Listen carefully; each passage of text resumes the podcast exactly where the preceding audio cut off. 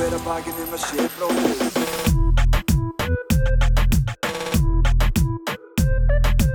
Bera hver að bakinn um að sé bróðir eigi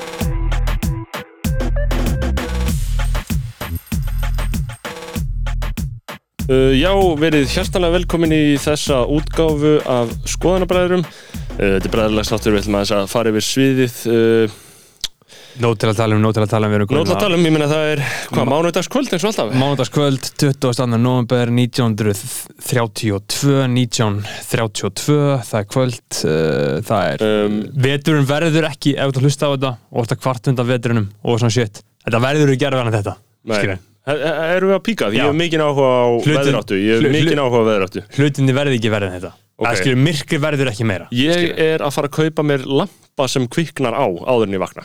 Já, köftuðu frekar bara Philip Hugh Ljós. Philip Hugh ljósaperur inn Já. ég er með svoleiðis, Já. þá þarf ekki lampa Fjækst þú sérfræng til þess að stilla það upp? Hálfdán, stjúpfæður okkar, er rafvirki Já, ég veit það. Við erum í samráði til, og, Og við, við erum að vinna að lausnum. hann kom að setja allt upp hjá mér Þannig að það þarf ekki sérfræng til þess að setja inn svona perur. Nei, þetta er ramax og, Og það besta hver, hver, með hverju stýrir þessu? appi í símanum Ok, og kviknar á þeim á ákveðinu tíma já, þú, þú, þú gerir Getur þú það látið kveikja á þeim já, klukkan ég, ég, 7.50 Já. þanga til að þau séu orðin eins og ljóskastari já, Já.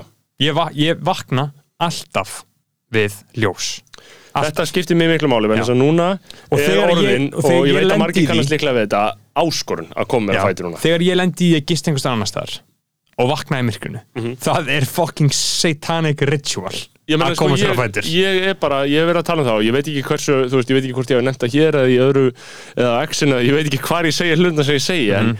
ég hef verið að tala um það að ég get eiginlega ekki lengur vakna á morgnana, ekki það sko ég sé of þreyttur, ég er bara svona nýstandi þunglundur, já, ég sé ekki tilgangum í lífinu og venjulega þá tekur það mig, þú veist, hálftíma að komast í gang og hætta að vera þunglindur. En t- tíminn er orðin svo langur, það tekur kannski einn að hára klukkutíma. Þa, það sem maður þarf að gera er bara vakna eins og Páll Óskar vakna og segja já. En það er venjulega þannig, en ég elska líf mitt. Al, Vakna- eða svona, þú veist, mér finnst vakna- morgnarnir skemmtilegast. og hlusta, hu- hugsa um lægans herra. Takk fyrir, takk fyrir, takk fyrir, takk fyrir allt, Já. takk fyrir allt takk fyrir að vera ekki kona í stríðsjálflandi takk Já. fyrir að vera, hugsaði einhvern sem bara I would hate to be him Já, takk fyrir að vera ekki þessi gaur hver sem er getur hugsað um svona fimm gaura sem þið vilji alls ekki vera takk Já, ég, ég, var, ég var bara þessi við að hugsa um gauruna Ég Já, var mjög í- ímyndaði nokkra gaura Já, skilur. nei, 100%. og bara takk Já. fyrir að vera ekki þessi gaur Það bara sömur eiga mjög vond líf. bara takk, takk, takk, takk, takk, takk Sko, fyrir að vera ekki þessi gaur. Það er mánudagur uh, Já, maður, og sko- það er november og, og það er svolítið kallt úti og ég hjóla í vinnuna á daginn og mér finnst svona uh, ansi kallt uh, en ég býst við því að þetta sé eins lengt að verður ég er að segja að þetta verður ekki vera og ég sé ekki alveg hvernig þetta gæti verið. Reykjavík, það er mjög fínt að vera en það við erum einhvern á landi. Vel að merkja hversu fucking vel valin höfustæður takk Já. fyrir öndvegi já maður, sjátt á þetta á fucking þrælana tvo sko, sjátt á þetta á Ingolf maður. Voru þeir ekki þræla haldarar eða? ég heldur að það eru þræla haldarar uh, nei, hann að gaurinn sem voru um Ingolfi það voru þrælir hans. nei, ég er að tala um Ingólfur, hann var þræla Já, hann var þræla haldari, já, já, já, já, hann var hann cancelled, sko. Uh, Við ættum að rífa hann niður eins og Gunnar Smári hefur talað um að við ættum að gera, sko. Uh, En ég var, að- ég var að sjá þetta Já, svart og kól eða eitthvað. já, heita það eitthvað svolítið Hrólfur eða Nei, ég eitthvað veit ekki hvað er Þarna þarna í vestmannum uppreisnin hann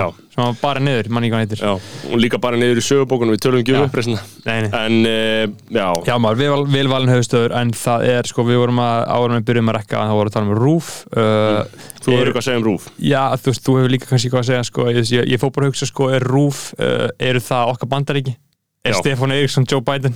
Já, veist, uh, er þetta þetta slowly deteriorating lignandi pollur af viðbjóði ég hef tó- fólk vera að tala um að uh, rúf sé ekki, sé ekki alveg að standa sig í stikkinu Nei, og, Og það uh, var sko geggjað uh, á- inn á mannlíf uh, miðl sem að ég les svolítið mikið sko, og það er orðanúmur frábær miðill og mikilvæg miðill. Já, geggjaður, sko, það er orðanúmurinn hjá hann reynir, trösta hann er bara með hashtag Mhm. Þetta er fastur, fastur liður, frábært. Uh, þar, Yfirleitt, stundum svolítið óvægið. Já, og þar talar hann um Myndi ekki vilja sjálfur fá greinu með þarna. Nei, nei, auðvitað ekki, auðvitað ekki.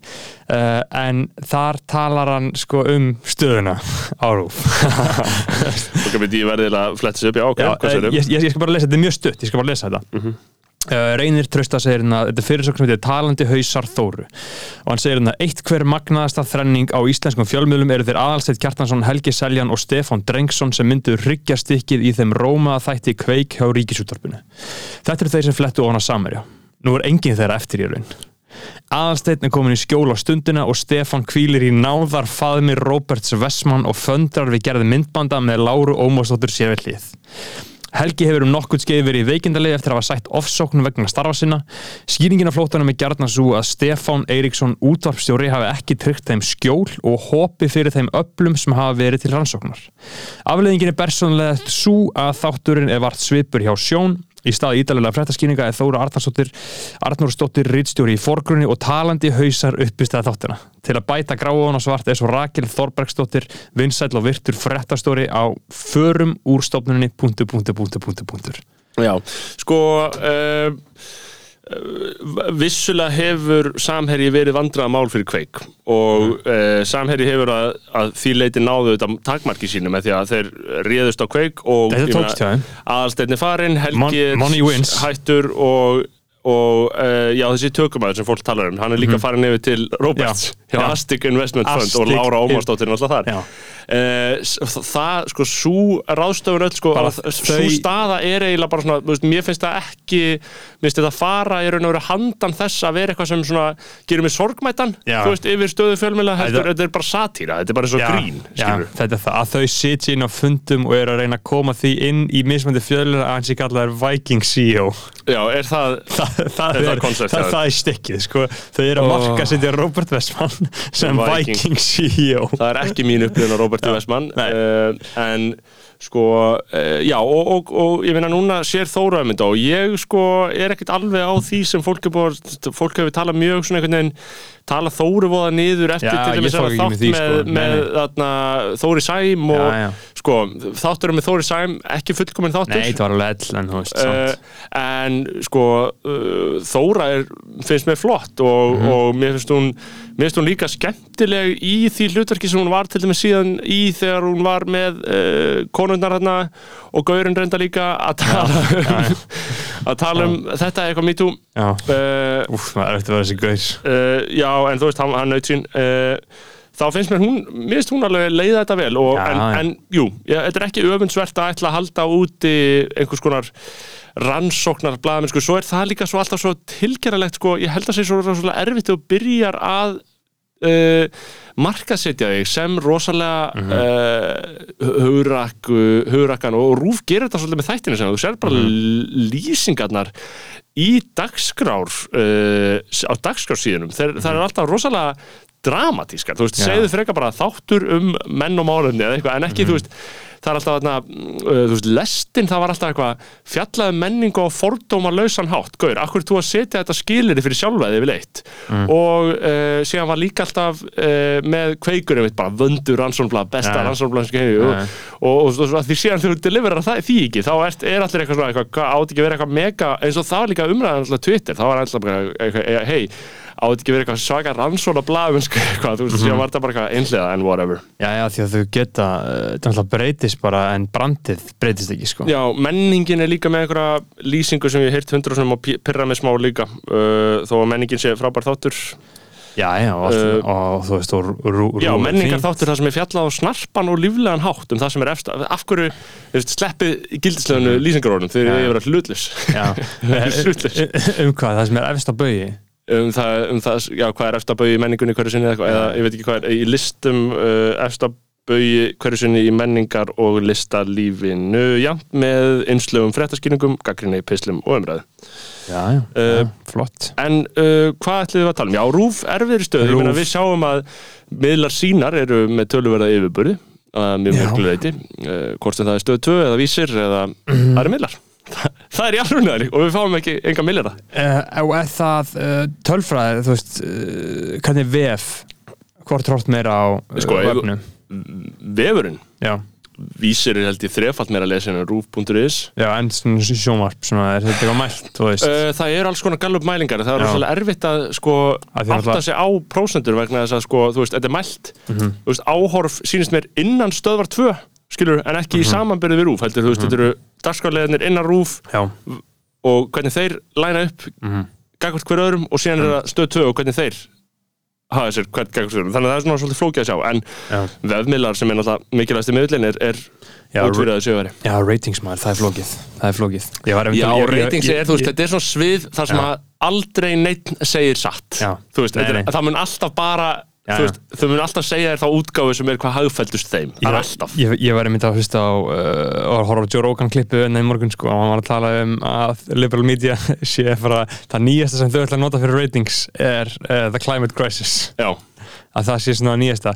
Af því að það sem að minn okkar að tala um uh, ég var á uh, afmæli Mika Refs um helgina og hitti þar góðan mann uh, sem að sagði mér uh, ítrekkaði og staðfesti fyrir mér að uh, lofslagsmál það var búin að leysa þig? Það er búið að leysa þau og þau er ekki svona Geggjað.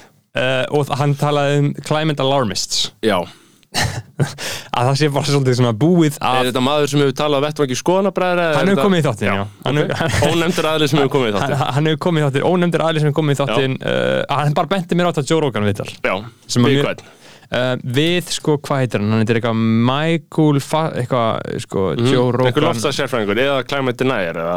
Bara einhver svona borgar uh, borgar sérfræðingur Ok, sko. áhugavert. Ég, skal, ég skal finna nákvæmlega hvað hann heitir sko. hann, og, og hann var sérst að lýsa því að uh, við séum Mike, veru- Michael Schellenberger. Aha, Já, Michael Schellenberger, hann er eitthvað svona borgar skiplags sérfræðingur og er mjög svona uh, tala mikið um þetta sko. Já, uh, og talar um þetta climate alarmists sko. Uh, og hvernig sko þau nota loftslagsmálinn til að stjórna okkur án þess að gera neitt í því sko, uh, sko, þú ske, ske, skemmtilegu gaur sko. Já, ég meina uh, það- það blæ, blæði væntalega úr eyrunum á mörgum sko við að heyra okkur tala um þetta en ég meina Já, uh, það, er- það er þeirra vandamál en þarf maður ekki að trúa því góða? Við séum á góðri sko. Þú veist, Eh. ég, ég veit ekki hvað hva, hva maður getur trúið hana sko. Já, sko uh, ég er, hugsa er, er málið það sem hann talar um sko, Michael Schellenberger uh, hann talar um það að sam, skilur þetta er svolítið whataboutismi, skilur en burt sér frá öllu öllu vandamál heimsins loftasmál er ekki svona mikið vandamál með allt hitt. Mm, með við offitu og með við ópjóta með, og með við hernað og með við allt þetta shit sem er svona raunvurlega vandamál lífsins, það eru 800.000 amerikanar búin að deyja af Oxycontin. Sko ég væri til í að sko að því að, að því að ég er að reyna að vera ábyrgur með lofslagsmálin og vera reyna að vera ábyrgur með það sem ég segi.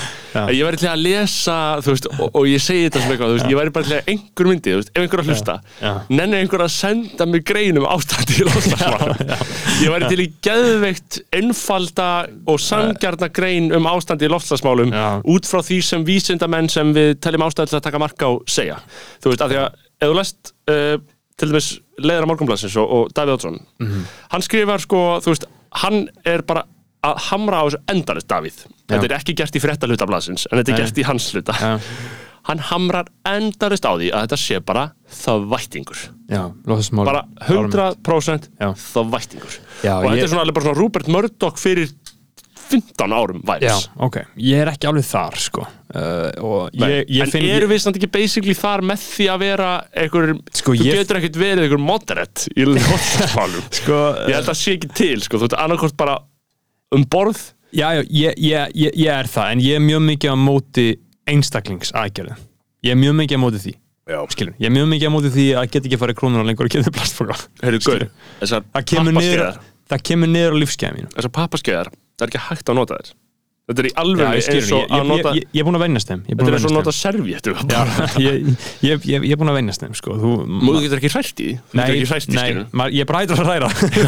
Það er bara búið að Nei, breyta er ég er enda að hræra og Já, ég, ég veit bara, ég er hættur- skeiði mín bara blandaðist ég veit út í skýrið Ég veit það, ég er bara hættur að hræra í skýrunu Já, og það breytir öllu Já, ég veit það, maður er bara búin að, búin að lækka standardin uh, En ég er auðvitað uh, trúi á uh, einhverjum svona, einhver hluta vísindana, skilur uh, Ég er náttúrulega ekki alveg pro-science uh, en ég trúi alveg að það er allt í hakkinu, Mhm. sko.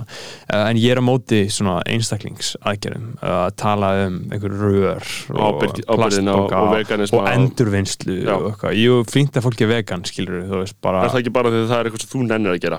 Vera vegan, ég er ekki vegan og ég Nei. nenni, nenni ég ekki sko, Nei, ég nenni ég ekki sko. Uh, En en, af hverju borður ekki kjöt?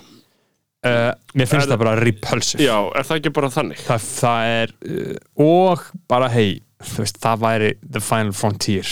Já, þú veist, það væri búin að missa öll. Já. allt, skilur, já. Alla góðminnskuna Mér finnst sko uh, að því að við höfum nú svo sem reyndarlega gert því skil hérna áður að fólk er uh, við áttum tímabil það sem að þú veist svona eitthvað 2018-19 þar sem allir voru vegan og maður var alltaf að tala um einhverjar skilur þú varst að vara að segja gælur, stelpur? Stelpur uh, sem voru gett orðna vegan skilur og voru eitthvað svona maður eitthvað, það var, bara var í einhver partí og var bara eitthvað veist allir að eiga þessar samræður, núna finnst mér þetta orðið miklu meira non-issue þú veist, eða svona Já. bara eitthvað sem bara fólk er eða ekki, skilur já, já, fólk er Uh, alveg saman sko, Já, fólk er alveg saman hvort eitthvað bara kjöt sko. ég, myndi með þá núna eftir að haukja þetta hafi ekki endla verið tímabili mannkynnsögunni heldur meira bara aldur, sko. Svona í kringum tvítut þá fokkin nennir að rífast um þetta. En þú ert orðin 23 þá ert eitthvað svona ég er óþunglutur til að rífast um þetta.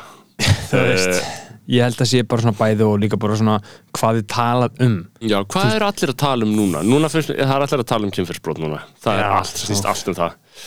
Er Uh, það sann, ég lifur eins og þessi einhvern veginn enginn að tala. Já, mér finnst þetta rosalega mikil umræða Twitter Þú veist, já, ég er ekki Twitter nei, sko. það er það er að eina sem ég tala um á Twitter er það ekki, Jú, um, ég er ekki það alls konar annars shit. Já, eins og hvað? Uh, Ég meina, þú veist, það uh, Ég veit ekki, það er ekki talað það mikið um pólitík Það er talað um það talar enginn um pólitík. Það er búið að gjörsamlega blackpilla þjóðina sko. Já, ég meina, að því að þú veist, hvað er að segja um pólitík núna? Já. Ég meina, gæti einhver sagt mér ástand mála í stjórnmálunum núna, skilur, það er einhvern veginn Er allt í lausu lofti. nei, það, það er ekki eins og komið ríkstjón Uh, nei, en hún kemur um helgina, sko, uh, og uh, fólk talar um uh, pólitík, fólk talar um, sko, ég var að læka uh, tísta sem að fólk var að deila uh, skjáskoti af Instagram-mynd hjá Fortuna Invest hópnum. já, ef við erum að tala um það á Twitter eða?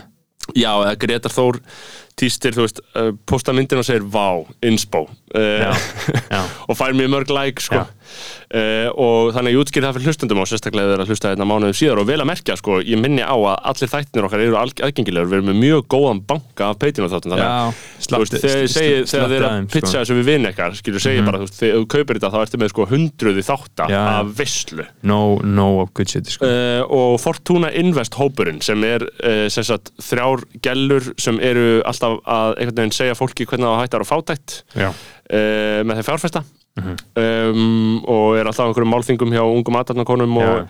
eitthvað svona. Þær eru alltaf með, með eitthvað svona ráðgjöf um fjárfestingar. Já. Uh, og veistu hvernig það byrjaði að þú veist, Fortuna Invest? Nei, hvað þýðir þetta, af bara- hverju myndi eitthvað gera þetta Þetta? byrjar sem, þú veist, held ég bara basi- basically svona face, nei, Instagram aðgangur. Já, en af hverju myndi það gera hann Instagram ágang uh, til þess að fræða fólk í svona gett svona einföld og þægilegu máli um hlutabriðamarkað af hverju, á uh, vegum hvers?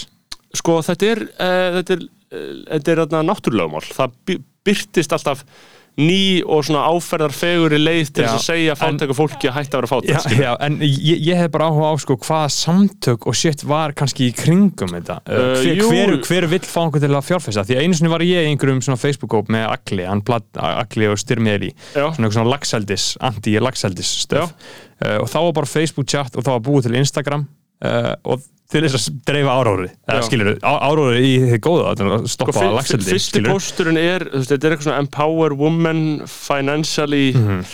Fyrsti pósturinn er uh, bara við kynnum til leiks Fortuna Invest okkar markmið er að búa til sameiginlegan vettvang þar sem konur geta sótt í innblástur og fræðslu til að efla sín fjármál Mhm. og það er, ég meina, og svo er, byrjar þetta bara eitthvað, fyrstu skrifin í fjárfestingum stopnaði vörslusap, kynntu Mhm. er fjárfestingamöguleika, fylgstu með fréttum leitaði þér frekari þekkingar talaði um fjárfestingar við vini taktu skrifið núna um, sko, að því að ég hefði alveg áhuga á því að prófa að fjárfesta smá. Ég meina, maður, ef maður á að auka 150 skall setja hann í kryptó eða setja hann í eitthvað félag eða hvernig það er ég, ég með money í krypto. En mér finnst ég ekki uh, ég, ég hef reynd að fylgjast með þessu stundum ég finnst ekki alveg læra mikið sko, en þú veist, ég veit ekki alveg uh, þú veist þarna ég, ég,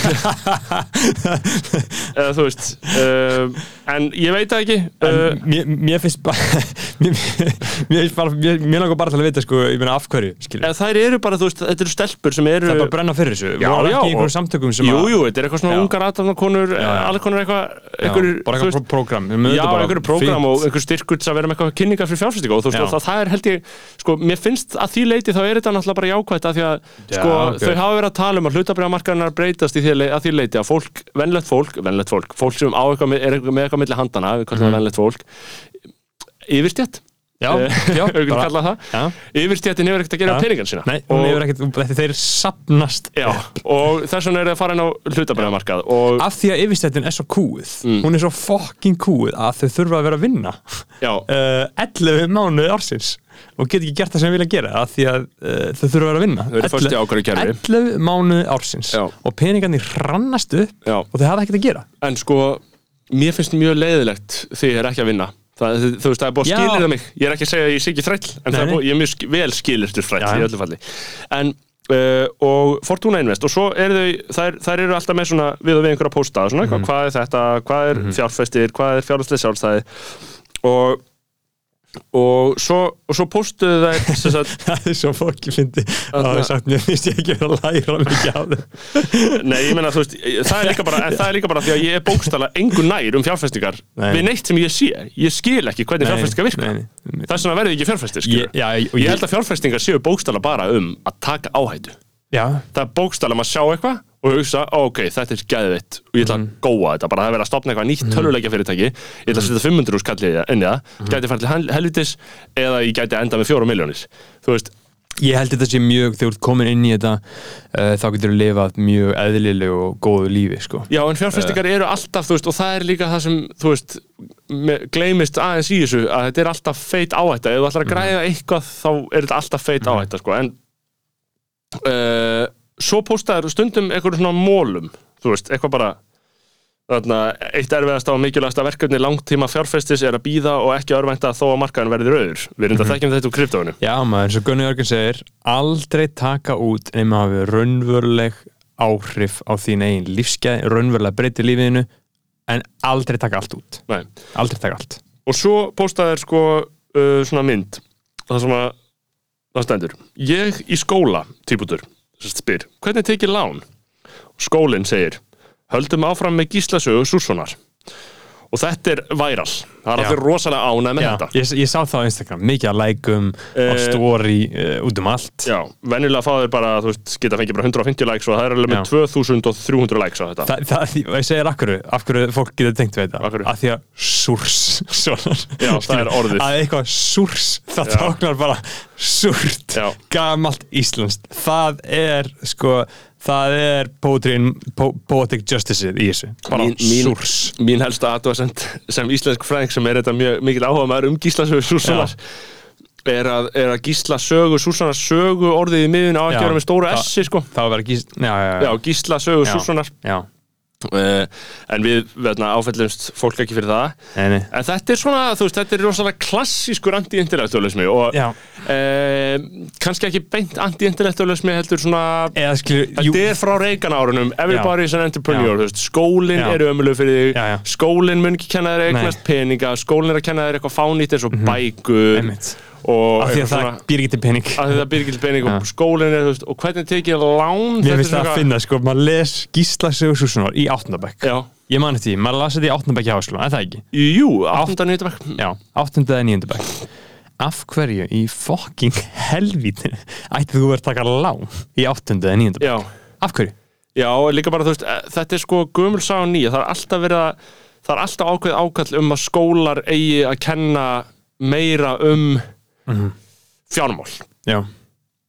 og ég held að það sé alveg gott að blessa það, Ég sko fælst alveg á það sko en ég held að nefndum myndi leiðast fokki mikið þar líka sko. Þú veist, Já. varst þú ekki vesla, voruð þið ekki alltaf eitthvað svona bókhaldi Jú, og, bó, Bókfæsla og hötuðu það ekki allir og voru bara eitthvað fuck this shit, ég nenni ekki, ég ætla að klára prófið og séum á þetta fokka sér upp í raskat af sér, þú veist, Jú, eins og í öllu í eins og með allt með skóla Jú, og allt með skóla frá uppáði bara allir grunnskóli skilur Já, já.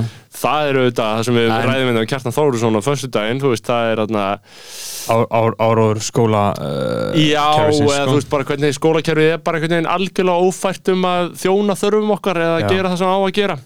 Já, já, uh, en sko hvernig tekið lán? En já, en þú veist, ég veldi fyrir mig sko hvaða er í fólki sem er svona eitthvað já, þetta, djúvillig skólakerfið esnar þetta það er súrs, ég er að segja Já, það. er, það er bara súrs. Mér finnst það skynsaleg kenning og ég held að mér finnst ekkert raunhæft að ætlast til þess að skólakerfið muni kenna þér hvernig þú tekur lán. Og í fyrsta lagi, það er fokkin einfalt að taka fokkin lán tala við bankaðin og fokkin googla það aðeins Já. Hvað er aðeins? það er Já. ógstlega einfalt að taka lán Já. þetta er aðstæðlega spurning, er það ekki? meina, lán, hvernig tekir lán? þú, veist, þú, þú drullast í gegnum greiðslumat þú ert af yfirstjætt, þú ert já. þetta eru nokkuð já, þú verður að vera já, já.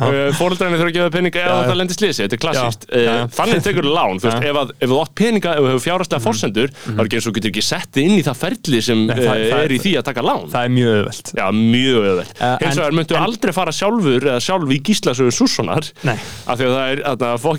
en- en- óaðgengilegt efni, skilur Eh, að það er gott að en, en, Þú en, veist, ef sko- við ætlum að hafa vott af þjóðarvitund ef við ætlum að hafa vott af sameiginleiri menningu virðingu fyrir einhvers konar bókmyndararfi, bókmyndararfi uh, ef við ætlum að hafa vott af einhvers konar samhygð á meðal Íslendinga þá verður skólakerfið því miður bara að tróða þessu ofan í hálsin á fólki. Ég, ég er alveg saman á því sko. uh, en, en, en með þessu eru við svolítið sko, með því að ráðast á það að taka lán, við getum allir gert það skilur. en það sem ég fannst þetta sína er bara basically, uh, eins og við talum á hann þessi er uh, Ronald Reagan uh, við höfum þetta shit. Entrepreneur. Já, við höfum alltaf þetta shit. Það lifi mjög, ég var bara að sjá á Instagram hjá Dilljó Mist. Hún, hún var að hætta í uh, ráðunitinu eða að Já, sem aðstofamæður og, og, og, og hún kvatti það með Ronald Reagan köku. Já. það sem að segja government does not solve the problem the government is the Ó, problem ég elska og andlitið hans Reagans á Já, kökunni. já, já. og hún var að kvæða starfið sitt hannig Vá, það er geðvitt Já, það, það var uh, svo- svolítið fyndið sko, og fyndið að, vilja, að, að trúa þessu en vilja samt vera government Ég meina, hún, hún er beinilist þingmaður Já, hún, bók, bókstara og, og sko- fyrir það var hún aðstofamæður þingmanns Já, Skilur. og hún er búin að vera að fá rosalega há laun frá money, ríkinu Money, money uh, sem setur hana í efri yfirstjætt Nei, ég er að segja rosalega há laun sko frá hinn og ofnbæra Já, Þannig að já, þú veist, þú segir the government is the Já, já. problem Þú veist, Já. já, Já, þú já, já. Eða þú veist, veist, vandamálið er að Mhm. stjórnmálamenn, uh, já, og stjórnmálastjættin er búinn Já. að búa þennum hnútana að við, skattgreðendur, Mhm. mjög háa skatta á Íslandi, mjög háa skatta, Já, rosalega mikið gjöldum. Við lækka, lækka, lækka, uh, og flóki skattkerfi, einfaldur skattkerfi eins og Já. sjáum, nei, við skulum ekki einfaldur skattkerfi heldur en uh, uh, þó ég sé þetta ráðum smá hallur undir það, en hvað um það? Uh, ég var að segja, já, við reyngjum rosalega hafa skatta. Til þess að stjórnmálamennir, kjörnir fulltrúar taki peningana og sópið mundir sig Já. og flokkana sína aðstofamennina sína Já, já, og aðstofamennina sem sko þjóna engu öðru til nei Já. hlutverki en að í raun og veru uh, færa ímynd stjórnmála leitrans, leitrans þannig að þú veist þeir, þeir, þeir vinna gegn hagsmunu þjóðarinnar. Og vinna gegn hagsmunni Já. vinna gegn bladamönnum, vinna gegn frálsri fjölmönnum og, og Vin- stjórnvöld, það hefur líka verið fjallað um það og, og Þórður Snær hefur náttúrulega skrifað uh, manna mest. Um upplýsingafulltrúana. Já og Já. um það sko einhvern veginn hvernig, að því að ef maður lítur heildstætt á stefnu stjórnvalda Mhm. uh, allt sem kemur frá stjórnvaldum allt sem einhvern veginn, uh, einhvern veginn bara uh, þeirra framlag Mhm. til þess sem við getum kallað bara svið fjölmjölana þá er ekki hægt að draga aðra áleitun af þeirra gjörðum, ákvörðunum, stefnumótun Mhm. að þeir vilji veg frjálsra fjölmjöla sem minnstan að þeir vilji bara, já, að þeir vilji það- að þeir vilja. hafi sem minnsta Já. minnsta getu til þess að fjallum stjórnmál það, það, það má aldrei gleyma því að stjórnmálastjættin þau eru að reyka fyrirtæki. Já, fyrirtækið er Ísland. Þau hafa hagsmuni af því að skila sem mestum arði af fyrirtækinu sínu og með því þá pikkaðu í alls konar hluti til þess að verða sem minnst vesen fyrir þau. Mhm. þetta er bara það basic. Já. það er eins og erum að gera með alltaf þetta COVID shit frælsinsviftingarnar og allt það. Já. þau eru bara að reyka fyrirtæki og vilja hafa þetta eins einfalt og auðvelt og hættir já. Uh, ég sammála því. Uh, Fortuna Invest. Já, í, grunninn, já, gott að blessa að kenna fólki um fjárfestingar. Já, al al alveg eins ef Uh, fólk vil gera einhverja Instagram síðu. Ég, ég hef bara áhuga á hvað það græða á því sko. En sko, og, og ég sammálaði Nei, nei, ég meina þær eru með þær eru bara að hafa fengið rosalega mikið að jákværi aðtegl út á þetta og geta Já. þá bara að fara að vinna Já, í þessum vinnum sem þetta fólk Já. vinnur skilur þú veist, þær, eru, rosalega hottir núna, sko, það er alltaf að tala um Fortuna Invest, bara þessar stelpur eru. Og þær eru mjög frambarlegar, mjög svona sniðuar skilur og Já. góðar í þess að þær eru að gefa út bók núna sem eru örugglega að fara að seljast mjög mikið Mhm. uh, et cetera, et cetera uh, en uh, ég held að Gísla Saga Sússonar íslenska bókmyndir, vandin sem er í því er auðvitað hvað þetta er óaðgengilegt, það er einhvern veginn vonlust að tróða þessu hún í börn sko. Já, það bara en- er ekki en- hægt. Það er eins en þú veist, en, þá má heldur ekki taka ákvarðanir eins og að láta nýjöndabekkinga lesa Íslandsklökkuna eftir Lagsnes, skilur. Nei, nei, þetta er, þetta er svo marglaga verk. Þú veist, þetta, er Lagsnes uh, árið 1937 já. að gera grín að 17. öld skilur, hvernig á einhver að fatta það sem er 14 ára? Það er erfitt sammingi að ná utanum þarna. Hann fattar Eh, bara Avengers. Já, en, en þarna uh, Avengers og YouTube og Minecraft. Uh. En þarna uh, það sem að maður, uh, þetta sýnir í, rauninni er ekkert endilega bara gegn sko Íslandíkasögunum heldur bara svona hvað fólki, venjulegu fólki af því að allt venjulegt eðlilegt, já, Íslendingar sjá þetta að hugsa sniðugt, af hverju? Uh, af hverju finnst fólki það venjulegt að eiga taka einhverju lán, skilur, pælti hvað er búið að fokking framlega samþykið okkar fyrir því að vera kúið á einhverjum fokking lána stopnunum, böngum já og er, lífverðisjóðum já, málið er að á Íslandi þá uh, ég veit ekki af hverju það er þannig og ég veit ekki uh, hverjum það er í hag en við, það snýst alltaf með eiga fastegn á Íslandi. Snýst aftur á uh, í Berlín held ég að sko, byrja- fólk- 85% eða eitthvað séu á leigumarkaði. Mhm. hérna eru öruglega bara með næstu öfull Ætli það sé réttlátara samfélag uh, uh, rétt, réttur leyenda í Þískalandi og í Berlín er rosalega sterkur og er rosalega, þau eru með bara vandað, það er bara verið að reka hagsmunni þeirra vel. Uh, þannig að þú veist ég var að horfa á vini mína í Þískalandi leia sér íbúð, fenguðu samning og bara, já, jessi komst loksins inn hjá góðu leigufélagi eftir að ég hafði fengið hinn og þessu umsóð það er smá grænt að verða góður Já, já. leigjandi í aug, augum kerfisins. Ok. góðar umsagnir, góða reynslaði að leiga íbúðir. já, eitthvað og bara, og bara góða sögu af því að greiða, greiða reikninga og svona. Eh, og hann fekk íbúð og bara eitthvað 450 eurur eh, Mhm. á mánuði. Eh, kannski 80-90 skall og bara eitthvað bundin bara, veist, bara verðið má ekki hækka samkvæmt lögum bara næstu, 20 næstu 20 Mhm. ár eða eitthvað, Þú veist, þetta er svona rosalega tryggt, en hérna þá bara þá er bara allt í hennu eitthvað Eitthvað, gert við þig og, og, og mér skilst að Gunnar Smári og félaga sé að taka yfir einhvern leyendasamtök núna. Uh, Ok, að það sé næsta skrifið að reka einhverja stefnu innan leyenda félagsins og ég, leyendasamtökana og ég held að sé ekki vanþörf á því, ég held að leyendasamtökin hafi verið í dvala. Mhm. Lengi, af því að það þarf alveg að gæta hagsmuna leyenda, þú veist, þetta er Já, hópur já. sem þarf að gæta hagsmuna. Uh, og uh, en já, í Berlín þá er þetta allt annað uh, hér af einhverjum ástæðum, þá erum við vön því að láninni eru málið. Og í raun og veru er það bara þannig að þú ert eiginlega bara komin yfir hjallin í lífinu, þú ert búin að ná að kaupa þér fastegn uh, það samt? Er ekki komin yfir hjallin en ég er að segja, skilur, það veitir þér á, á, á ákveðin vísi að fjárhagslegu öryggi, skilur Já, ég skil, ég, ég veit ekki alveg hvort það sé rétt eða ekki, sko. Já, heldur að sé allt í lagi að vera bara leiðandi eða? Nei, þú veist, en, en ég, ég bara hugsa sko hvort þetta, það er alltaf bara markasetning, skilur uh, að fólk er bara að hugsa um að kaupa sér íbúð eða bara í mentaskóla, sko. Mm. þú veist, þetta er bara eitthvað að óta að fólki og þú veist, ég á íbúð, Mhm. það er næs skilur, litlar áhugjur fattur, enda, þú veist ge- þekki ég ekkit annað, það var bara svolítið basic, þetta er bara smá gerðir skilur, en ég er bara að hugsa hvort það sé sko uh, annar möguleiki á þessu, hvort allir þurfa að eiga sína íbúð, eða hvort að Gunnar Smári geti komið upp einhverju góðu kerfi Já, sem fólk myndi bara lifa. uh, Ég veit ekki, ég sé Ég Ég- myndi ekki sjálfur vilja vera leiðandi sko. Nei, nei, nei, nei, nei. Veist, ég, ég myndi ekki sjálfur vilja horfa eftir uh, Þú veist, segjum að borgir 170.000 skall í afborganir. Mhm. Versus það að borga 170 skall í leigu. Þetta er bara mjög augljóst reikningsdæmi hvort er betra fyrir þessi persónu, skilur Já, en hvernig virka þessi vextir og allt það sitt uh, ég, ég, ég bara hef ekki nóg mikið áhuga á þessu sko, það sko. eru töluverðir og þú endar auðvitað að borga miklu, miklu, miklu borga meira absúrt mikið miklu út- meira út fyrir lánið en og þú það tókst. ætti örgulega ekki að vera þannig skilur Nei, og það, síðan er það umdelt hversu mikill hagnaður bankana ætti að vera Mhm. skilur þú veist, þetta eru ríkisbankar að mestu leiti að það er að segja landsbankin og drúgur hlutar Íslandsbanka. Mhm.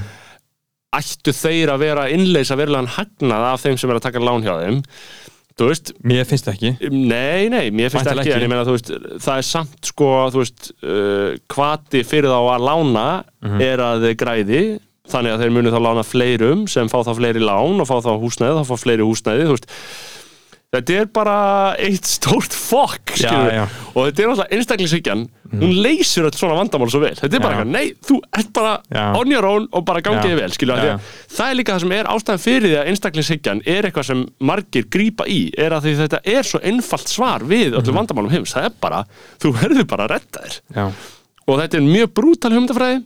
Ég aðhyllist hann ekki en hún er mjög skiljanleg út frá mjög svona eðlilegum grundvata tilfinningum í manneskunni bara, farðu bara að listu það, skilur og það er reikanismin, skilur já. uh, en sko, hvað þurfum að tala um í vikunni? Ég meina, hvað hefur átt sér stað í vikunni sem er markvert? Það er november, sko, það er rosalega mér finnst rosalega mikið, mikið látið í samfélaginu, mér finnst lítið um að vera, það er alltaf COVID Það takmarkanir, er- sko. það er ég held að séu bara COVID, 50 sko. sem er að koma Já. saman Já, ég verð ekki var við uh, mikla stemmingu sko. Nei, og- uh, en maður er búin að vera að fara í svona partí Já. uh, 30 manna partí 50 manna partí ok, ég hef ekkert farið í partí uh, ég, mér er enda ekki bóðið í partí, það er almenna reglan sko. Já, það er almennt mitt eða veist, ég bara veit ekki hvenær mig að séðast bóðið í partí sko. uh, ég, var í, ég, fór í tvö partí núna merkina sko. Já. uh, og það var bara fínt sko. já, en smá svona jarðafara stemning? Já, smá svona sorglegt sko. Já. veist. það er náttúrulega sko, veist, en það er ótrúlega hvað fólk elskar partí sko. veist, það það er ekkert betra en að vera nett fullur í ykkur góða partí. Það Já. er bara, þú veist, það kemst eða ekkert á við það. Jafnast eða ekkert á við það. Já, það er, það, það, það er snilt Íslendingar elskar að fara partí uh, fólk elskar að fara í bíó. Já, skilur já, bíó, ertu búin að fara á atna, Wes Anderson myndina? Nei, eftir að sjá hana. Já, ég líka, ok, þá getur við ekki rétt hana. Nei, það getur ekki rétt hana. Það væri svona gett get skemmtilega að taka til í að ræða. Já, Núna. sko, ég er spennt fyrir það sem fjallar um, um blaðamann. Já, en mér skil samt að það sé bara einhver uh, óveruleg rammafrásögn í myndinni sem voru ákveðin vombrið já, hvað hann heitir French Connection, French Dis Dispatch. French Dispatch. Já, uh, ég er spenntur fyrir henni og ég já, sem að er að koma á Netflix uh, og Leonardo DiCaprio og Jennifer Lawrence leika aða hlutverkin uh, og Jonah, vel. Jonah Hill og Meryl Streep í mm. aukulutverkum Kid Cudi er þannig líka Ariana Grande. Uh, þetta er mynd sem er að koma á Netflix 24. desember þannig maður hefur eitthvað til þess að laka til. Já, og jólin maður þjáningaháttíðin já, uh, Þannig að tökum stöðpásu við erum komin aftur á þessum ferska, ferska, ferska mánudegi. Heldur betur, heldur betur. Uh, Hvort er betra, kryptogaurar eða astrology gælur? G uh, ég myndi segja astrology gælur eru tölunum betri sko. Ég var ekkert mann gaggrindur harkalega spænskri vinkonu minni þegar ég uh, sagði að gælur væru allar á kafi í stjórnufræði mm og sagði að þetta væri kvennfyrir litið það er það Þær eru það margar, ekki Það- allar. Það eru það margar en ég hef samt aldrei hitt neina sem var svona raunverulega skilur Ég meina Eh, auðvitað trúa er ekki raunverulega á þetta Nei, nei, nei, ég er ekki trúa heldur svona raunverulega getur útskýrt eitthvað. Eða svona, svona, svona raunverulega það var að tala um þá stjörnufræðina eða bara stjörnuspekina? bara bæði, stjórnu spekina, ekki fræðin. Stjórnu fræði er eitthvað allt annað Já. það er eitthvað fucking uh, plánundu shit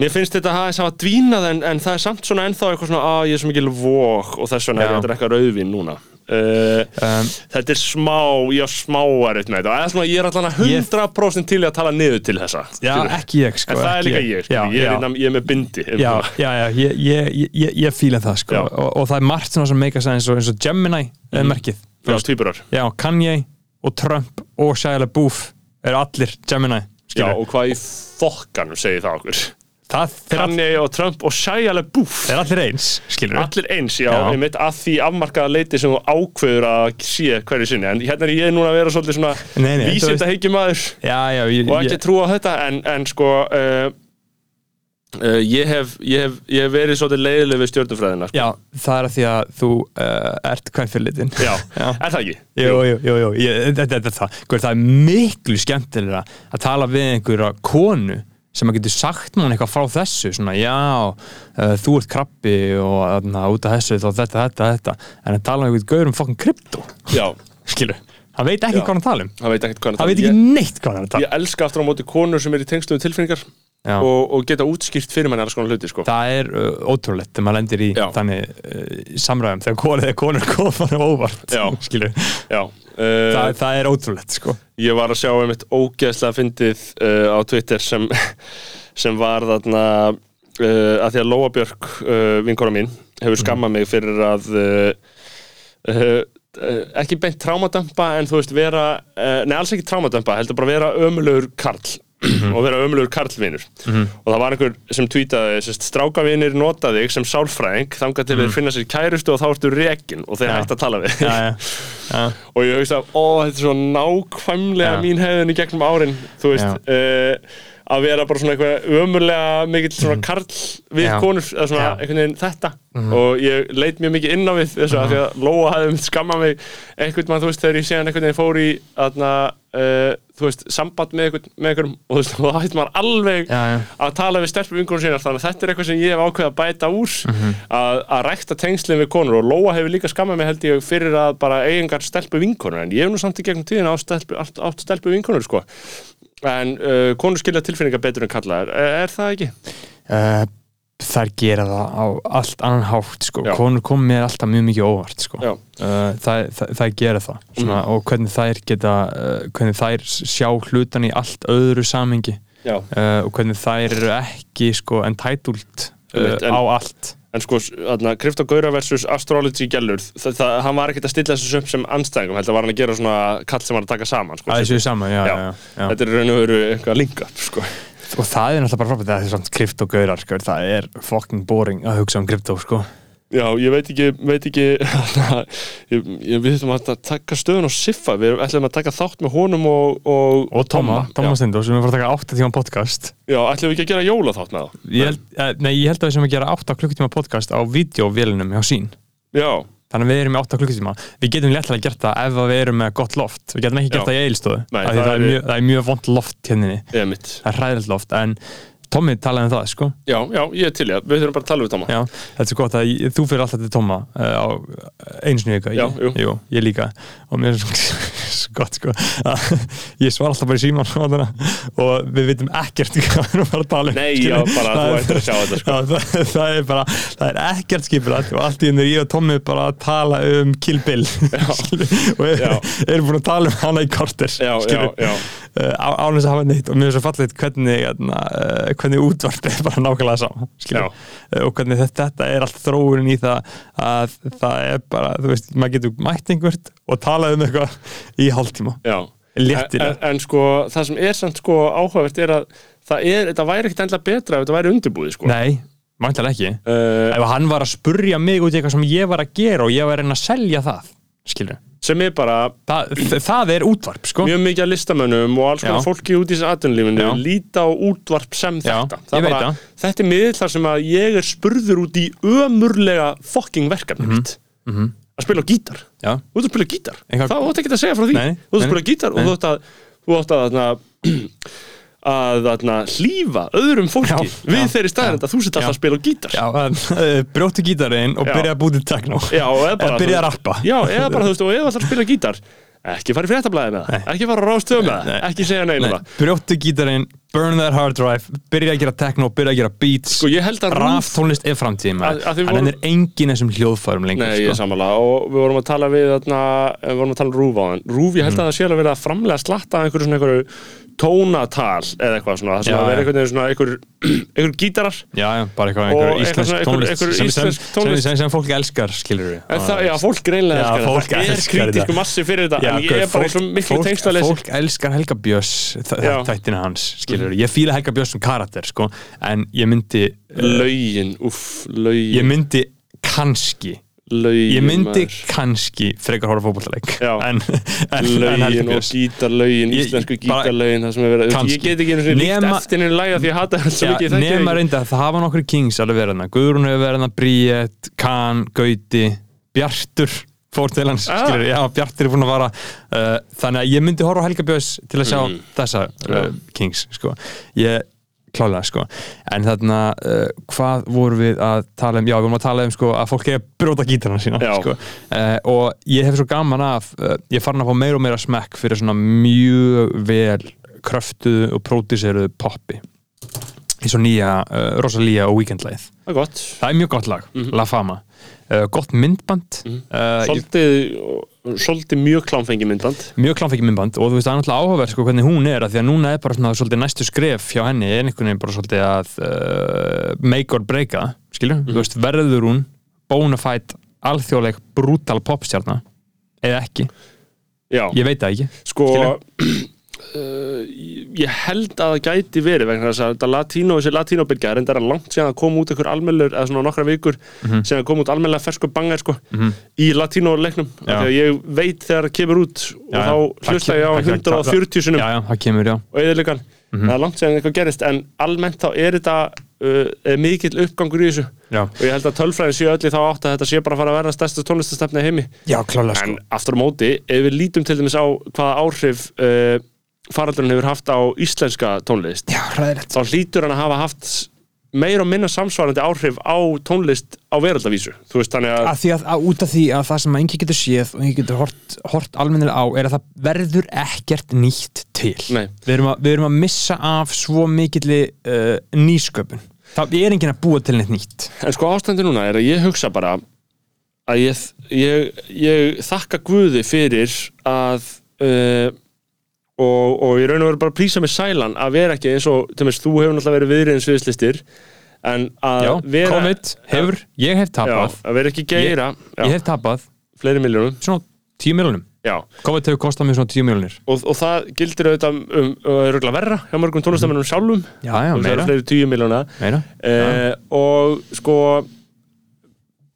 ég held að þeir sem eru ekki að starfa í neinum svona bransa, hvort sem það er sko þetta, tónlist eða ferðarþjónusta eða uh, uppstand sviðslistir, hvernig sem það er Mhm. þeir sem starfa ekki í þessu verða að reyna að setja sig allan að bara til að hafa samúð skilning með aðstæðum fólks og sérstaklega núna uh, ég var að tala við skemmtistæði um daginn og hann var að segja mér bara, já, bara lokað við erum bara að tapa þetta miklu hverjum einstu já, og hvað er ríkistjórnin að gera?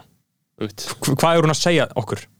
Það er ekki svona til ríkistjórn nei, nei, hún er ekki til, skilur það er enginn að segja okkur neitt. Nei. það er enginn að gera neitt. Nei, munurinn á núna það sem er að gerast núna, november 22. november 2021 og þarna það voru verið að tala um það, já, og síðan fá þetta bætt þarna, eða þú veist, við gefum eitthvað núna bara, nei, enna, bara loka Já. fuck off, skilur þetta er rosalegt ástand. Þetta er fucking hræðilegt. Að er, vissuleiti er ekkert endilega við, þú veist, það er alls ekki við þóról að sagast nei, það er við þá sem er að fjársveltu heilbyrðiskerfi og eðilega að saka Já, en ég meina á sama er tíma þá er, þú veist, þá skilst mér líka og ég hef rætt við fólk um þetta ég, þú veist það er ekki, það er ekki augljóst hvernig verulegt fjármagn ætti að geta kift þessi lag á söpstundu nei, núna, já, núna auðvitað. Já, já, eða þá hvernig En- hefði þetta að gera það sko í gegn tíðinni, meina, þú veist, að það er bara þetta er bara einhvern veginn, það er óviðráðanlegt og þú veist, ef að við værum ekki að lenda á vegg á þessum tímapunkti, þá værum við að lenda á vegg uh, aðeins ofar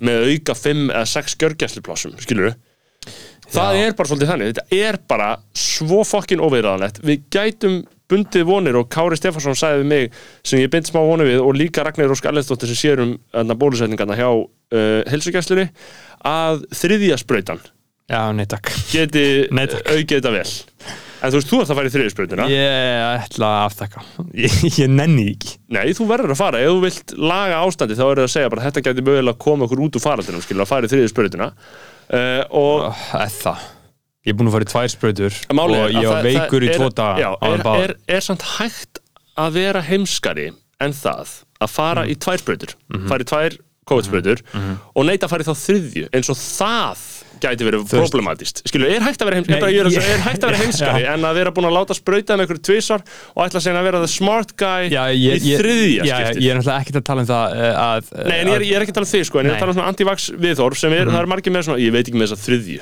Já, Það er ég, svona, mm, ok, ertu sem sagt heimskasta mannvera á jörðinni? Af því að þú, ert- þú Uh, you played yourself já, þú veist- það- auðvitað. þú ert lest sprautaði með þessu sem þú ert Mhm. að halda þig fram að segja eitthvað að það er ekkert að þessu. Uh, og svo ferði ekki í þriðju. Já, en mér finnst það- það mjög gott að það er búið að koma upp svona af kartmennum í kringum mig, þá eru margir svona damn, maður, ég hefði ekki að pólist já, skilur, Ég það er að koma upp svona svolítið ný svona og skemmtileg en málið er að vísindalega stemning. rannsóknir eru að benda til þess að þriðja sprautan gæti veist, og ekki bara komið veg fyrir alveg veikindi heldur komið veg fyrir smitt þetta er bara eitthvað sem rannsóknir benda til. Já, já, það hefur verið bent til margra hluta Já, já, en ég meina, ef við viljum leysa þetta ástand þá Já, já. vil, þurfum við einhvern veginn að grípa til einhverja ráða. Og massa bólusendingar á þriðju sprautunni virkuði í Ísrael, því góða ríki. Já, eh, hvernig virkaði það, er þetta búið á þeim það?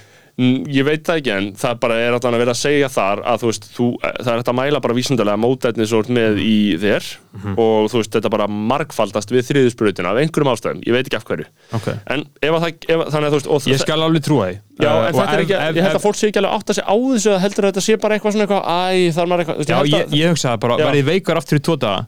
Já. Ég nenni ekki. Nei, nei, ég meina, þú veist, ég ætla að fara í sprautu eftir tvo mánu, ég er samt búin að fá COVID, sko, ég á að fara.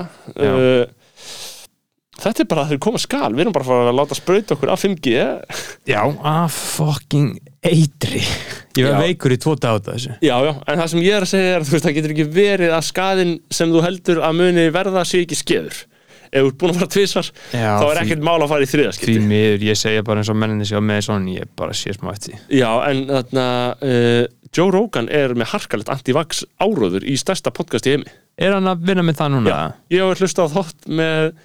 ég hlustaði á þátt með honum með Ben Shapiro Já, og Joe Rogan var bara við vitum ekki hvað er í þessu já, bara eitthvað svona jú, við vitum þetta hvað er í þessu sko Þú veist, það, já við Vitu, vit- vi, vi, Vitu það? já, ég meina veistu hvað eitthvað er í veistu Nei. hvað, nei, Það er svona að segja ekki neitt um ég neitt veit ekki um kók skilur, ég veit ekki Nei. hvað er í kóki Nei. skilur, en ég Nei. drekka bara því það er svona sirka, sirka viturlegt fólk að segja að það sé alltaf læg skilur, Já, já, auðvitað en þú veist, við vitum auðvitað ekki hvað er eftir og, og, en þú veist, já, anti-vax stótið, úff, þetta er svakalegt sko, en þú veist, máli væri bara þetta væri, þú veist, mér er alveg saman þetta fólk sé anti-vax svo lengi sem það er ekki að valda vandamálum. En í Þískalandi, þú veist, þú ættir að sjá umræðina þarna. hver einasti blaðamæri í Þískalandi vill bólusendinga skildu liggur við, ég er að, ma maður lesi ímislegt og það er allir bara djöfull eru miklu auðmingjastrjóttvöld að koma ekki á bólusendinga skildu þau eru með það sem heitir 2G uh, svo sko, þú veist, til þess að fara inn á staði suma, Já, þú ætti að vera annarkort sem sagt uh, bólusettur eða uh, búinn að fá veruna uh, til þess að fara inn á ákveðin staði. Þetta er svona ígildi bólusetningarskildu en þetta er ekki bólusetningarskilda Östuríki, þar er að taka gildi bólusetningarskilda á öllu landinu í februar og ég veit ekki hvað clusterfuck af mótmælum og samfélagsumræðu við fáum. Öst, Östuríki settu uh, þegna sína þeir læstu það inni. Já, það er, það er búið að læsa þegnar niður núna. alla. Allir það er lockdown sko Já. í Austuríki núna. Uh, Það er brútal ástand. Já. og sko ég veit ekki, hver hefði líka haldið að þetta myndi gerast eftir bólusetningarnar? Já, sko málið er bara Ég er búinn að gefast upp. Bara hvað sem gerist núna það kemur mér ekkert á óvart. Nei. Það kemur mér ekkert á óvart. Ég var að bóka gig Clubbed Up og Byrnir í Danmörku Mhm. 11. februar Já. Eitthvað til að vera spenntið fyrir. Já, Nice, köpen já, 11. februar Það munur örgulega ekki gerast. Já, nei. Ég myndi ekki binda vonu við það. Nei, það munur örgulega ekki gerast. Þetta er alltaf svona vona glæta Spenntir í tvo daga Fyrir þú köpen Veistla og síðan bara, nei uh, Hvað er til ráða í þessu samfélagi maður? maður verður svo fucking þunglindur. Þegar að bylgjan sendi bylgjan skall á ég var, ég var bara djúb þunglindur í daga. Ég tók ekki gleði mína í neinu. Það er að segja þetta núna sem er núna? Já, þetta er núna. Já, fjóða bylgja, Já. eða fynda sjötta, Já. ég veit ekki hvað er Nei, nei. ég veit ekki hvað er. Uh, eina sem ég veit er bara, maður þarf að hætta að hugsa um þetta. Já, ég Og- ég gerir það. Já. Ég lít bara svo á að, að enda býja þeim forrættundum að þetta varðar ekki líf mitt beinlinis Ég get alltaf eiginlega unnið starf mitt skilur Mm. sint dag, aðtöfnum daglegs lífs. Já, já, meir og minna Mhm. Ég er mjög ánæður ef ég kemst í rektina Ég er þetta svo fucking feitum að ég ekki komist í rektina marga daga sko. Þessar vinnutarnir, það eru svolítið að fucka mann upp með það. Það er, gaur, það er samt lúsir afsökun sko. Þegar, fólk, fólk segist ekki að það er það ómikið að gera. En gaur, ok, hérna, gaur. klukkan, Beggi, klukkan er 20.30 núna. Ég er búin að vera vinnunni sem fáið klukkan 9 í morgun. Já, þú, Ég þyrfti þá að fara í gymmi núna klukkan 9 Ég var alveg til það. Þú áttir að fara í gymmið bara klukkan átta? Í, mo- í fyrramáli, en í morgun. Já, Já, já, já, já, en þú veist, 8 En ég á að mæta 9 í vinnuna Ég er að fara í gymmi Já, klukkan 7:30. 7 já, Já, 7.30 þá er ég að vakna klukkan vel snemma. Já, Eftir að hafa komið heim í vinnu klukkan 8 og gera það bara. Ég veit að ég þarf að gera það. En veist, það er samt skiljalegt að ég gera það ekki Stundum. Já, já, já, já, ef þú vilt lifa subpar lífi já, já. uh, á ég segja hvað allir sem að segra í lífinu eiga sammeilett Mm.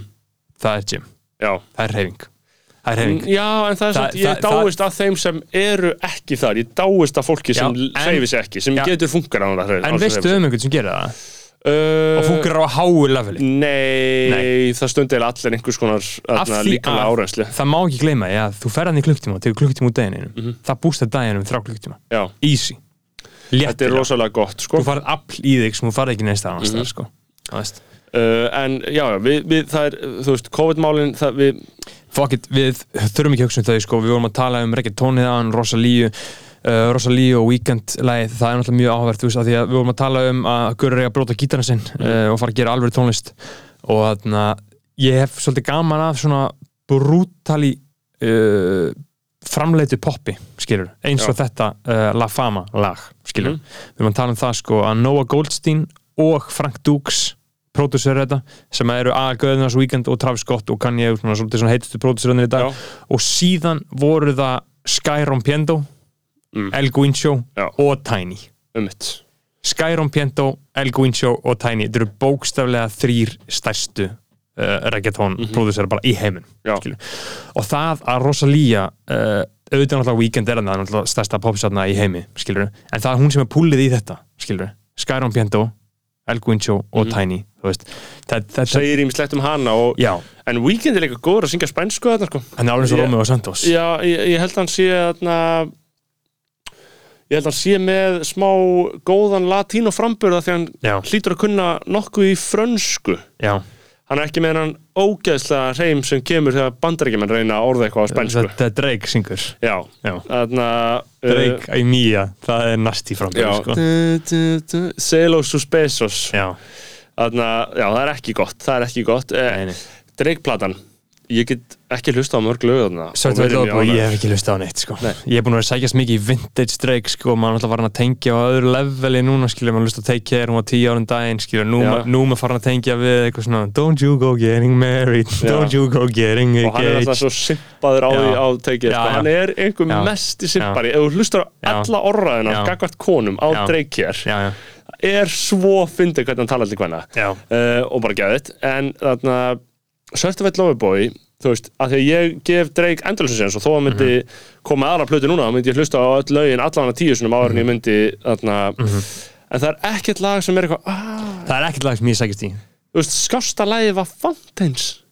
Með Thames. Já, og bara, það sökkaði. Já, veist, það- Jú, Future lögin er allt í lagi Valla, sko. Nei, en þau eru ekki allt í lagi þau er ekkert Champagne. Poetry minnst það er gott. Það er allt í lægin, það er ekkert spes. En þú veist, það er samt bara eitthvað Drake freestyle Ég veit ekki hvað gerðist sko. það er bara, þú veist, þetta er bara uh, failure. En hvað segja menn? Þú veist, er, er, er leikurinn að tala um að hann hefði fell off? Eða, veist, og hvað er fokkar er- í gangi með hann og Kanye? hann er bara too big to fail. Já, Drake hann er bara það too big to fail, hann getur ekki failað Nei. skilur, hann Nei. er bara það stór að saman hvað hann gerir uh, en ég held út af því að Drake er svo mikil nördi. Sko, ástæðan akkur Drake uh, eins og við náttúrulega komum inn í seríunni sem við gerum á hana, að þau eru að hlusta að ekki tjekka á henni. Uh, eina ástæðan af hverju hann er on top, on top for three sets of three years plus þrjú ár enn. Hann er að, þetta er að detta í uh, 11 ár hjá hann núna eða meira. Uh, það er út af því hann er búin að vera með sömum gauruna í kringu sig. Future the Prince, Oliver OVO Mark, Oliver er OVO, já, OVO Jobs Forti, Noel allt sömu gauruna. Hann er búin að hafa sama manager búin að vera á sama labeli, Mhm. búin að vera með sömu fokkin kanadísku sko, nördana og gangsterina í kringu sig. Já. alveg frá byrjun. Þú sér þetta ekki neist annars þar Nei, Mhm. það kemur alltaf innan búa bíf mm en einhvern veginn út af því að þú veist það sem maður má ekki dæma þegar maður hor- horfir á svona rosastórt pop á stóru leveli, þetta er allt bara gaurar sko, Mhm. sem eru þunglindir skilju, og einhverja gellur að fara að særa og svíkja já. og það er að fara að koma bíf og það er að fara að koma aðbríðsemi og að því þú veist, ma maður sér þetta svolítið á Íslandi þú fréttir á einhver sem er ekki búin að gera tónlist kannski ekki rappari, bara, æ, hvað er þetta honum maður? Já, það er bara "Ah, persónulegt." hann er bara þunglindur, það er skilju Það er bara alltaf eitthvað persónulegt. þetta er alltaf eitthvað persónlegt sem að stoppa þetta. Uh, og það er það líka á hæsta levelu í bara svona alvöru multibillion dollara poppi Mm. sem að það fokkar öllu upp líka. Það gerist með Jay-Z, það hefur gerst með Kanye það hefur gerst við alla þessa göra þetta er alltaf eitthvað persónlegt en máliðið með Drake er að hann er búin að vera með sama kampið algjörlega Hann er mikið andlega stuðning. Já, hann er bara, hann, þetta bara virkar, skilur Þú veist, þetta er bara einhvern veginn fucking virkar. Bara me for meina, own er oft standing bara- here a hurl og skilur maður sér þetta bara á, á því sem maður þekkir af rappurum þetta. Er bara spurning um að koma mönnum í stúdíu bara hann er ekki Já. að mæta, ég er búin að að ringja hann hann er bara eitthvað að dópa, skilur, þetta var alltaf eitthvað svona þetta er alltaf eitthvað svona, bara Þetta er alltaf persónlegt Þetta er alltaf bara eitthvað, nei, hann er bara, þú veist, hann er bara pyrraður út af þessu lægi og eitthvað svona, þú veist, þetta er. Mhm. er alltaf eitthvað svona, þetta er aldrei eitthvað svona, nei, þarna, útgáfu fyrirtæki ákvað núna að uh, taka aðeins aðra stefnu á þessu ár, nei, nei, nei, þetta. Nei. er, er ekkert til sem Og- heitir þetta, sko. Nei, og þetta er líka uh, þú maður tala um Weekend hann, þetta er líka sem að Weekend lærði af því að fylgjast með Drake af því að þetta var alltaf OVO EXO Weekend kemur upp að Drake basically gerir Weekend Reynir, skilur, já. veist, reynar að geta hann en Já. Weekend slítið sér frá Já, og þeir bífa í sjö ár Mhm. skilur, þeir hata hvernig annan, hata hvernig annan örugglega fucking mikið ennþá, Mhm. alveg klálega sérstaklega, ég held að Weekend sé vinsalari þannig sé, þannig að það er bara meira accessible skilur, hann er pjúra, meira tölur líka bara, ég held að hann sé meira hann stærri í tölum sko. Hann er stærri í tölum held ég sko, uh, en hann læriði af þessu, skilur, hann er líka frá Kanada. Hann kemur úr öðru, þegar ég er ekki bandariskir það er munur og ná, skilur. Og Weekend er búin bara með, bara EXO sömu gaurin kringu sig, Lamar C. Taylor hefur alltaf verið aðna Sal og aðna Cash og allir þessi gaurar. Er einhver saga sem einhver sagði einhver tíman af einhverju gellu, íslenskri sem sagði frá því Þetta er Lamar C. Taylor og Weekend Mhm. þeir hittu Svölu Björgvins og uh, Einar og Ella Egils sem eru Stílort og Ella Egils og Lamar eru bara mjög góðu vinnir ennþá í dag já, og Ég- la, la, nei þeir hittust bara í Kanada því að þeir fíluðu Stílort. Svala var að gera fucking illað stöf í Kanada sko. uh, og þeir einhvern veginn viðhalda þessari tengingu sko. en Lamar C. Taylor er, hann er anti-vax. Hann er, er creative director hans weekend og bara svona svolítið hægra höndir hans í öllu svona visual dótinu, býr til allt svona stöffið til hans. Og eins með weekend, þú veist, það er bara svona pop á svona hæsta, hæsta, hæsta hæsta episkasta levelinu sem er mér finnst hann vera með mætastöts mér finnst hann eiginlega mm, jú, þú varst ekki ánað með hvað síðustu blöðuna? Jú, ég, hún kom setna til mín. Hún kom setna til mín, After Hours er snilt in, hindsight, skilur þú veist, Alone Again ég bara hlusta á hverjum degi og það er bara fullt af lögum en það sem að ég er svona uh, urunverulega, en þegar hún kom út þá fíla ég hann ekki sérstaklega, sko, þú veist, eins og það bara gaur, meiri segja löggulæð uh, Blinding Lights, þú veist já, það er uh, bara já, skilur, það er, með 2,6 miljard fokk, löggulegði maður. Og náttúrulega það besta ef maður, ef maður hlustar á það sko í samingi við plötuna sko þá er það und, lagi sem er undan því er Faith það sem hann talar um sko bara if I OD þá vil ég að þú dreipið líka. Já, já. Ef ég deg þá vil ég að þú dreipið líka og síðan er karatinn komin inn í blindandi ljósin skilur sko, uh, við þurfum að ræða betur í næsta hætti um uh, Kanye og Drake, fara þessu um málin stöðun á þeim. Já, þá verður alltaf komið Uh, meiri ljós, þá er svo tónleika búnir uh, og þá verður hérna, getur þurfum ekki að fara út í það uh, núna. En Kæru hlustendur, segið vinum ykkur að fara á Patreon. Ég veit að það er að gera, það eru margir að bætast við. Mhm. Því meira sem þið komið, því meira fáið þið. Algjörlega, algjörlega. Hérna, og nótið vetarismar og munið það bara, þú veist, þetta er ekki að fara að verða uh, þetta verður ekki að verða en þetta, við erum í píkinu. Þannig að uh, Guð bless ykkur og einmitt, segið vinum hver að koma Patreon, takk fyrir að hlusta